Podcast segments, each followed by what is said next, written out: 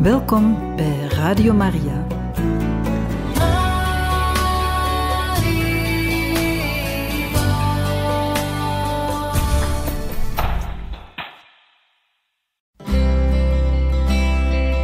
Welkom bij Boekat, een programma van Radio Maria.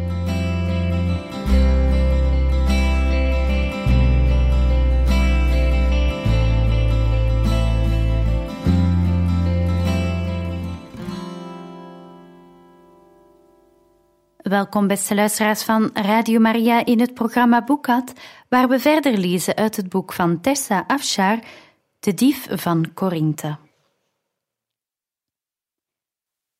Wat is je nieuws? zei ik toen het eten opgediend was. Iets heel fijns.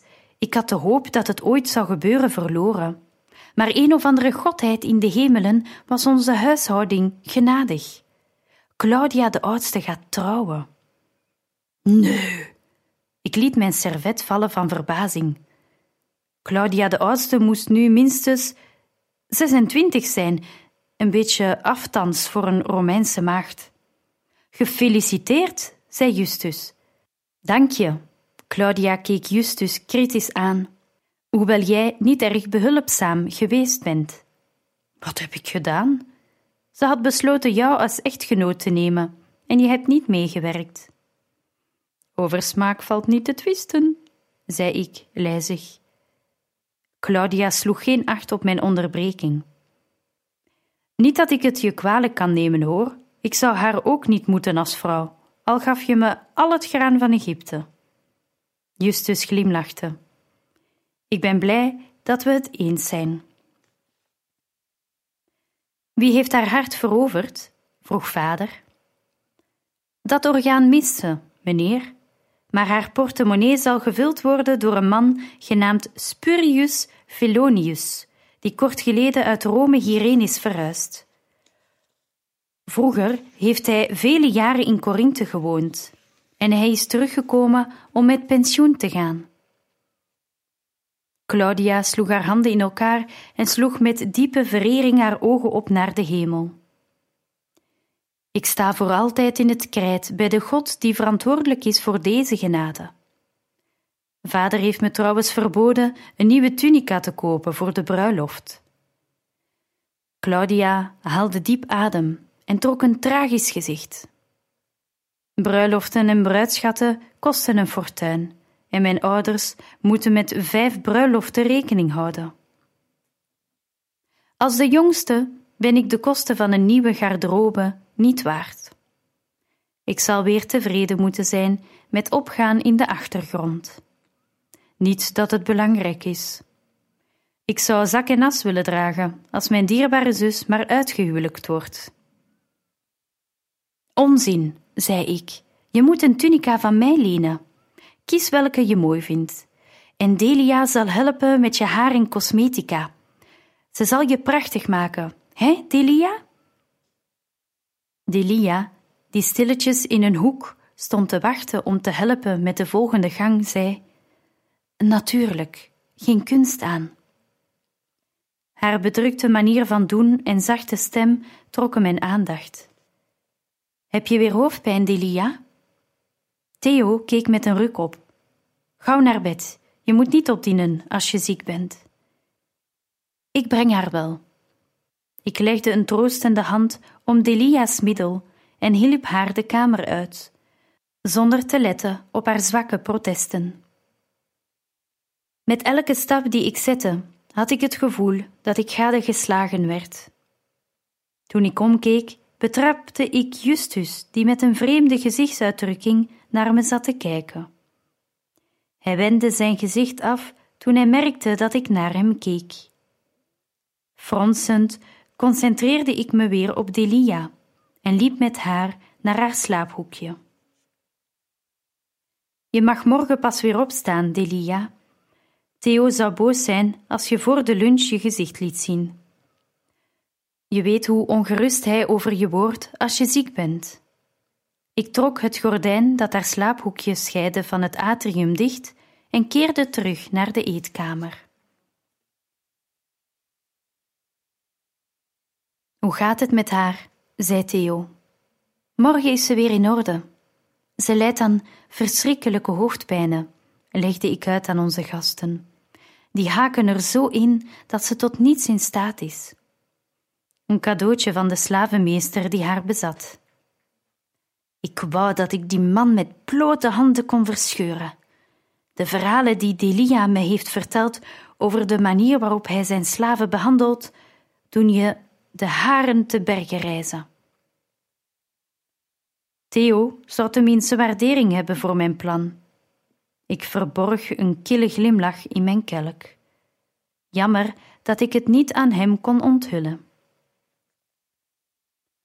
Hoe smaakt je kalfsvlees? vroeg vader, die het ongetwijfeld graag ergens anders over wilde hebben. Net zo lekker als altijd. We aten nu het hoofdgerecht, gebraden kalfsvlees met rozijnen, komijn en selderzaad, geserveerd met warm, geurige tarwebrood en groenten. Dit heeft Ariadne de kokkin speciaal voor je laten maken, Theo. Dat doet me ergens aan denken, zei Theo. Hij legde zijn lepel neer. Ik heb een cadeau voor je, Ariadne. Hoewel onze vriendschap scheuren vertoonde, waren we nog steeds verbonden door oprechte genegenheid. Soms zag ik een hunkering in Theo's ogen als hij naar me keek, en ik wist dat hij zich net zo eenzaam voelde zonder mij als ik me voelde zonder hem. Maar hij kon de kloof niet overbruggen, en ik wist niet hoe ik het voor hem kon doen. Het was net iets voor hem om op reis aan me te denken, terwijl hij me thuis negeerde. Ik legde mijn servet opzij en ging naar zijn bank, voorzichtig om onderweg geen tafels en schotels om te gooien. Hij pakte mijn hand. Met een bijna verlegen beweging legde hij een armband om mijn pols en maakte de sluiting vast. Het was een betoverend ontwerp van goud, bezaaid met kralen van jaspis en lapis lazuli. Ik hield mijn adem in en bracht mijn pols dichter naar het licht om hem beter te kunnen bekijken. Wat prachtig, Theo! En ik ben niet eens jarig. Ik dacht aan je. Zijn wangen waren rood en hij keek me met stralende ogen aan. Een vredeoffer. Hij liet me weten dat we weer op de oude voet konden voortgaan, zonder de spanningen van het afgelopen jaar tussen ons. Hij wilde onze vriendschap herstellen. Ik zuchtte van verlichting.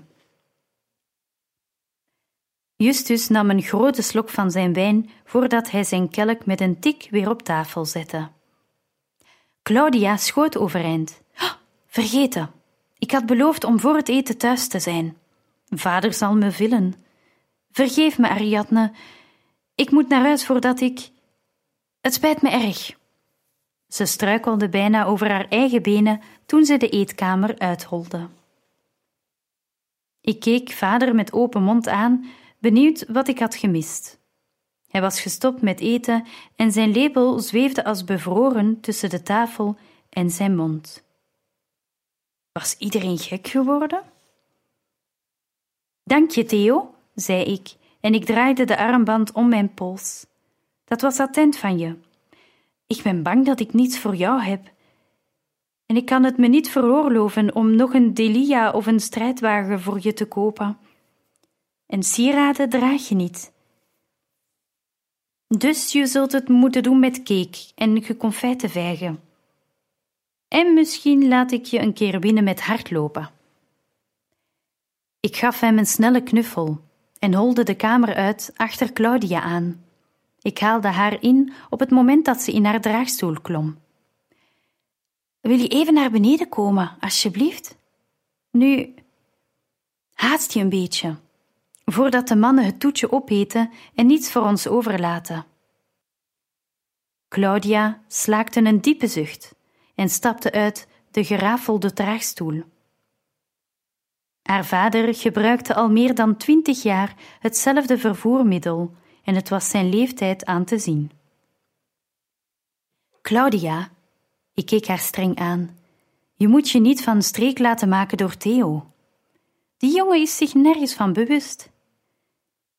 Hij is mijn broer en ik ben stapelgek op hem. Maar met vrouwen is hij hopeloos. Je broer? Claudia schudde haar hoofd. Ik denk niet dat hij zichzelf zo ziet, Ariadne. Natuurlijk wel. Hij is een beetje gevoelig over het feit dat het niet officieel is met wettelijke zegels en zo. Dat maakt voor mij geen verschil. We zijn samen opgegroeid als een tweeling. Hij is hier geweest vanaf de dag waarop ik geboren werd. Ik ken hem door en door. Claudia trok haar neus op. Misschien ken je hem niet zo goed als je denkt. Natuurlijk wel. Nu, wil je cake? Ze liet haar schouders hangen. Goed dan, iets anders krijg ik toch niet. Soms snap ik haar niet, die meid.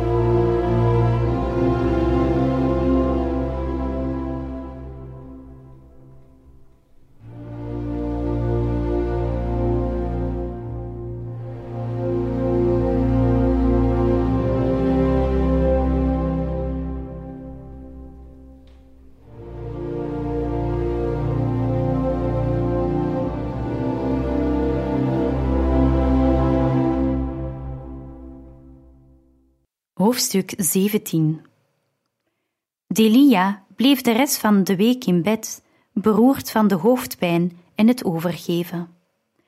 Theo durfde haar niet alleen te laten. Vader liet een arts komen die haar drankjes voorschreef. Daardoor sliep ze onrustig. Als ze wakker was, lag ze te kronkelen van de pijn. Ik had nog nooit zo'n hevige aanval bij haar gezien. Op de zesde dag verfoeide we Aniketos met z'n allen. Ze wilde ons niet vertellen wat hij haar had aangedaan, maar soms werd ze s'nachts wakker, met verdriet in haar ogen, en dan schreeuwde ze zijn naam. Toen Theo naar Troas afreisde, was ze in zoverre opgeknapt dat ze rechtop in bed kon zitten en een beetje bouillon naar binnen kon werken. Ze kuste hem op zijn wangen, streelde zijn haar met de tederheid van een moeder en droeg hem op zich te gedragen zoals een beroemde wagenrenner betaamt. Hoe is dat? vroeg Theo. Harder rennen dan alle anderen als je mogelijkheden ziet. Delia's lijden bereikte wat mij niet gelukt was. Het overtuigde vader ervan mijn plan in overweging te nemen. Ik zal het proberen te regelen zoals we besproken hebben. Als het eerste deel niet lukt, moeten we het idee laten varen. Het lukt wel, zei ik. We zullen zien. Op de avond van Aniketo's banket kleedde ik me met zorg in een losse, bosgroene tunica met lange mouwen en een strakke rij knoopjes van de schouders tot de ellebogen. We hadden onze bestemming verzwegen voor Delia en alleen gezegd dat we naar een banket gingen. Ze fronste haar voorhoofd toen ze mijn tunica zag. Is dat nieuw? Je ziet er vormeloos uit in dat ding. Dank je, zei ik. Ik had me aangekleed zonder haar hulp en verwachtte niet dat ze mijn inspanningen toejuichte. Ze had mijn haar simpel opgestoken, zoals ik had verzocht, en met haar vaardige, lichte aanraking cosmetica aangebracht op mijn gezicht. Vader gaf de bediende strikte opdracht vroeg naar bed te gaan en zei dat we hen na onze terugkomst niet nodig hadden. Halverwege de middag werden we opgehaald door een huurrijtuig. Formele banketten begonnen modieus vroeg in Korinthe en gingen tot laat in de avond door. De hoofdmaaltijd duurde enkele uren en gedurende de avond werden lichte hapjes en wijn geserveerd. Bij de deur werden we ontvangen door de vrouw van Aniketos. Ze droeg een blonde pruik met ingewikkelde lokken en krullen. Het haar was ongetwijfeld geplukt van het hoofd van een arme gevangene uit een verafgelegen Germaanse stam. Ze zag eruit als een gekneusde peer met blond haar. Omdat ze zoveel geld had uitgegeven aan haar hoofd, had ze het slechts bedekt met een doorzichtige sluier, een knipoog naar de zedigheid die van getrouwde vrouwen werd vereist. Zelf voldaan dartelde ze van gast naar gast. Veel gasten waren vreemden voor haar, vrienden en kennissen van mij, aanwezig op mijn verzoek. Ze waren eerder gekomen uit nieuwsgierigheid dan uit trouw aan mij. Ze roken de belofte van vermaak. Er waren aristocraten bij. Anderen kwamen uit invloedrijke families en de meeste waren rijk. Hun collectieve gewicht had het gewenste effect op onze gastheer en gastvrouw. Ze zwollen op van belangrijkheid. De arme Driops leek een beetje verloren in het verheven gezelschap. Hij vertelde slechte moppen en trachtte bij de gasten in de gunst te komen met een overdreven gretigheid die het publiek nog verder van hem afstootte dan zijn sterke parfum.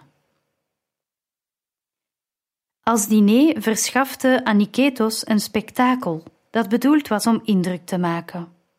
Geroosterd varken, gevuld met worsten en slaapmuizen die als een delicatesse werden beschouwd. Toen een witte haas, versierd met zwanenvleugels, ter gelijkenis met het legendarische vliegende paard Pegasus, binnen werd gebracht op een grote schaal, barstte er applaus uit onder de gasten. Het was echter niet hard genoeg om hun luidruchtig gegniffel te maskeren. Net als al het andere was dit vertoon een stap te ver. Twee mooie meisjes speelden op de fluit en de lier, terwijl een jonge man met een melodieuze stem een aantal liederen zong. Bij elkaar droegen de muzikanten niet genoeg kleren om een peuter mee te bedekken. Ik verleidde mijn gastheer en gastvrouw om net zo zwaar te drinken als hun gasten, zodat het grootste deel van het gezelschap tegen middernacht verre van nuchter was. Volgens de Romeinse gewoonte mengden de gasten hun eigen wijn en water om zelf de hoeveelheid van elk te kunnen bepalen. Vader en ik dronken die avond voornamelijk water. We deden alsof we wijn in onze zilveren kelken schonken, maar het was slechts een vleugje. Om middernacht vertrokken we, terwijl we de gastheer en gastvrouw overgoten met laffe complimenten voor hun sociaal succes. Vlak voordat we naar buiten stapten, glipte ik in een afgescheiden hoekje dat diende als aanbouw van het vestibulum, waar de gasten na aankomst hun schoenen en mantels hadden achtergelaten. Daar wachtte Galatea om ons te helpen met onze schoenen. Ik gebaarde dat ze de gordijnen dicht moest doen, zodat niemand zou kunnen zien wat er in het hoekje gebeurde. Vader stond buiten en hield iedereen die wellicht dat moment wilde uitkiezen om zijn sandalen te gaan halen aan de praat. Binnen enkele ogenblikken waren we klaar en schoven we het gordijn open.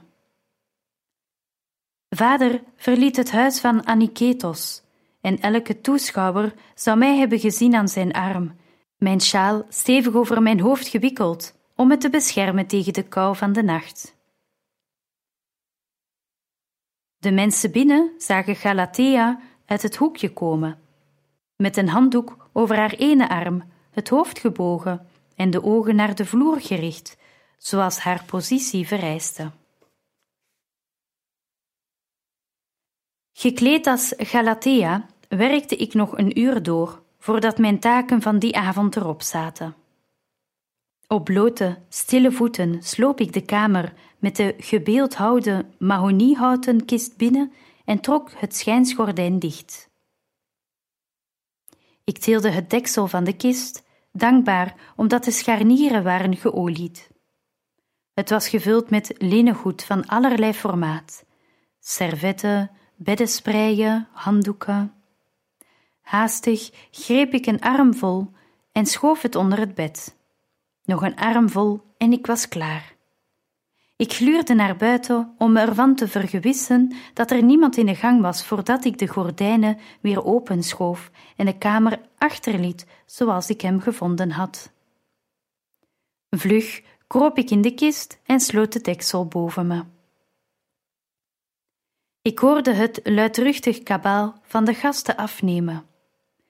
De mensen namen afscheid en toen werd het stil. Vader en Galatea zouden onderhand wel thuis zijn. Het enige wat ik hoefde te doen was wachten. Twee uur wachten tot de huishouding zo diep in slaap was dat ik mijn schuilplaats ongestoord kon verlaten. Lang genoeg om Aniketos zijn kostbaarheden nog een keer te laten controleren, zoals zijn gewoonte was, voordat hij in bed kroop. Maar een kriebel van ongemak werd ik me er plotseling van bewust hoe donker het was in mijn kist. Hoe krap. Ik begon sneller te ademen en voelde mijn hart onaangenaam bonsen. Ik ging stikken. Mijn hersenen vertelden me dat er meer dan genoeg lucht was om in te ademen, maar mijn hersenen konden me niet regeren. Het zweek brak me uit en ik begon te hijgen. Ik was een gekooide vogel en ik verlangde er wanhopig naar te ontsnappen. Ik kon sneller hardlopen dan de grootste kampioenen van het land. Ik kon in bomen klimmen, ondersteboven aan een tak hangen, op mijn beide handen lopen maar ik kon niet stil liggen in een kleine kist waarvan de wanden me omsloten als een graf. Ik begon tegen het deksel te duwen. Het ging open, eerst op een kier en toen verder, zo ver dat ik weer kon ademen, toen ik voetstappen hoorde. Vlug liet ik het deksel zakken. De stappen waren zwaar en traag. Ik voelde ze langs de kist komen en hoorde stof rinselen. Een man boerde luid. Driops. Door mijn onverwachte paniek had ik aan niets anders meer gedacht dan aan open ruimte. Natuurlijk, dit was zijn slaapvertrek. Ik kon nu niet anders meer dan wachten. Ik was drijfnat van het zweet en rilde van onredelijke angst, op het punt het uit te schreeuwen. Ik probeerde mijn hortende adem te bedwingen, de luchtstroom die mijn gekwelde longen in en uitgingen. Het bloed bonsde in mijn oren. Het was een kwestie van wilskracht. Ik moest mijzelf dwingen om stil te liggen, terwijl alles in me gilde om uit die donkere kist te breken en weg te rennen. Ik snakte naar een hap frisse, schone lucht. Ik werd duizelig en verloor het besef van tijd. Was het nog maar kort geleden dat ik in de kist was geklauterd? Was er een uur voorbij? Stel dat ik mijn bewustzijn verloor. Werd deze kist dan mijn sarcofaag, waarin mijn dode lichaam rustte op het huishoudlinnen? Door de naden in de kist zag ik een smalle streep licht. Driops had de lamp nog niet uitgeblazen. Wilde dat zeggen dat hij nog wakker was? Of had hij de gewoonte die de hele nacht te laten branden? Ik schrok op van een hard geluid. Ik smoorde een kreet van schrik. Toen werd duidelijk wat de bron van het kabaal was. Driops snurkte. Een aardbeving was er niets bij. Zijn neus was een oorlogstrompet. Hij kon er legioenen mee wekken. Ik begon geluidloos te lachen. Tranen liepen uit mijn ogen. Wat een heerlijk geluid. Ik kon Driops wel zoenen. Het was de aankondiging van mijn vrijheid. Dat geluid betekende dat ik weldra deze kist van verschrikkingen kon openen en ontsnapte. Ik bleef nog een hele tijd stil. Het leek wel een eeuw, maar het moet minder dan een uur zijn geweest voordat ik uit mijn schuilplaats kroop. Ik hoopte dat hij tegen die tijd diep zou slapen en niet licht gestoord werd door mijn bewegingen. Bij de deur aarzelde ik. De gang leek verlaten en met ingehouden adem glipte ik de duisternis in. De kamer waar de juwelen werden bewaard was een kleine aanbouw van Aniketos slaapvertrek, gescheiden door een rangdun gordijn. Ik hoorde de echtgenoten snurken. Een familietrekje dus. Ze hadden een lamp laten branden in hun slaapvertrek en er kwam zwak licht door de gazenstof van het gordijn. Als verlichting had ik er weinig aan. Maar na al die tijd in die donkere kist waren mijn ogen gewend aan het donker en ik kon voorwerpen onderscheiden in het grijze licht. Ik vond het juwelenkistje met gemak. Mijn vader had eens een soortgelijke schatkist gezien. De voet, die eruit zag als een gedrongen, vergulde zuil, was een holle bewaarplaats. Ik moest het verborgen knipje zien te vinden waarmee hij open kon, bijna in het donker en zonder de bewoners wakker te maken of de aandacht van de massabewakers te trekken. Ik streek met mijn handen over de zuil. Die was glad. Er zat geen knipje. Het kistje erbovenop, zogenaamd het echte juwelenkistje, bleek ook glad langs de randen. Op onze rondleiding had ik Aniketos zien drukken op de gouden leeuw die aan de rand van het kistje prijkte, waardoor het deksel opensprong. Ik drukte op de leeuw en het kistje schoot met een plofje open.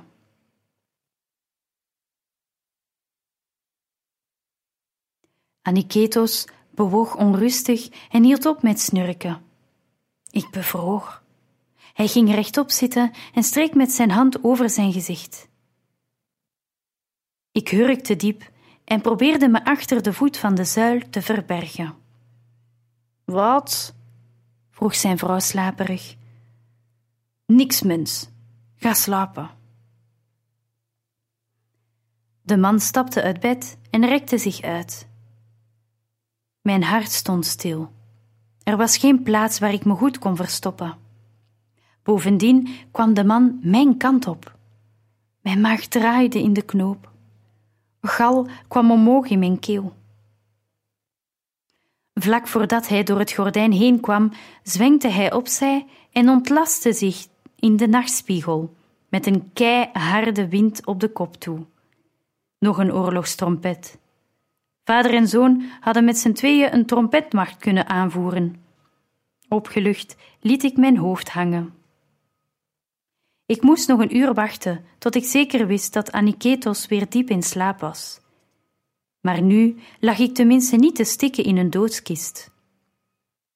Toen Aniketos daverend snurkte, ging ik weer aan het werk. Ik had het deksel losgeknipt voordat mijn gastheer wakker werd. En het ging makkelijk open, zodat ik de goedkope sieraden zag liggen. Ik voelde aan de zijkanten, de bovenkant, het bodempaneel van de kist, in de hoop een veerslot naar het geheime vak te vinden, maar ontdekte niets. De tijd begon te dringen. De kist had me verslagen. Toen vielen mijn ogen weer op de leeuw. In plaats van te drukken, probeerde ik hem nu heen en weer te duwen. Hij zat vast.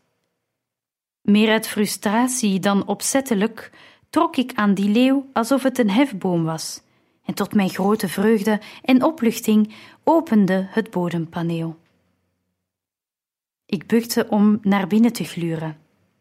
De bodem was bedekt met gouden munten. Even stond ik als verlamd. Toen legde ik, één voor één, om het tinkelende van metaal te vermijden, de munten in de stoffen zak die ik had meegebracht. Toen de zak vol zat, drukte ik het geheime vak en de juwelenkist dicht. Ik had Aniketos schat gestolen. Nu moest ik alleen nog zien weg te komen. Ik zond een gebed op naar de onbekende God om hem om hulp te vragen.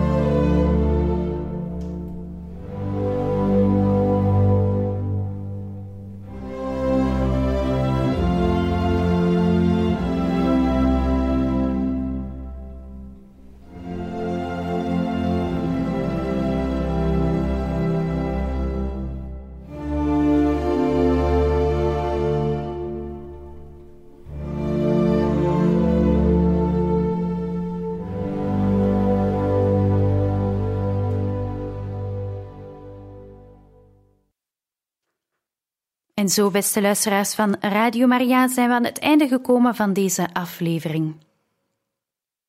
We hebben gelezen uit het boek De Dief van Corinthe van Tessa Afshar. Tot de volgende keer.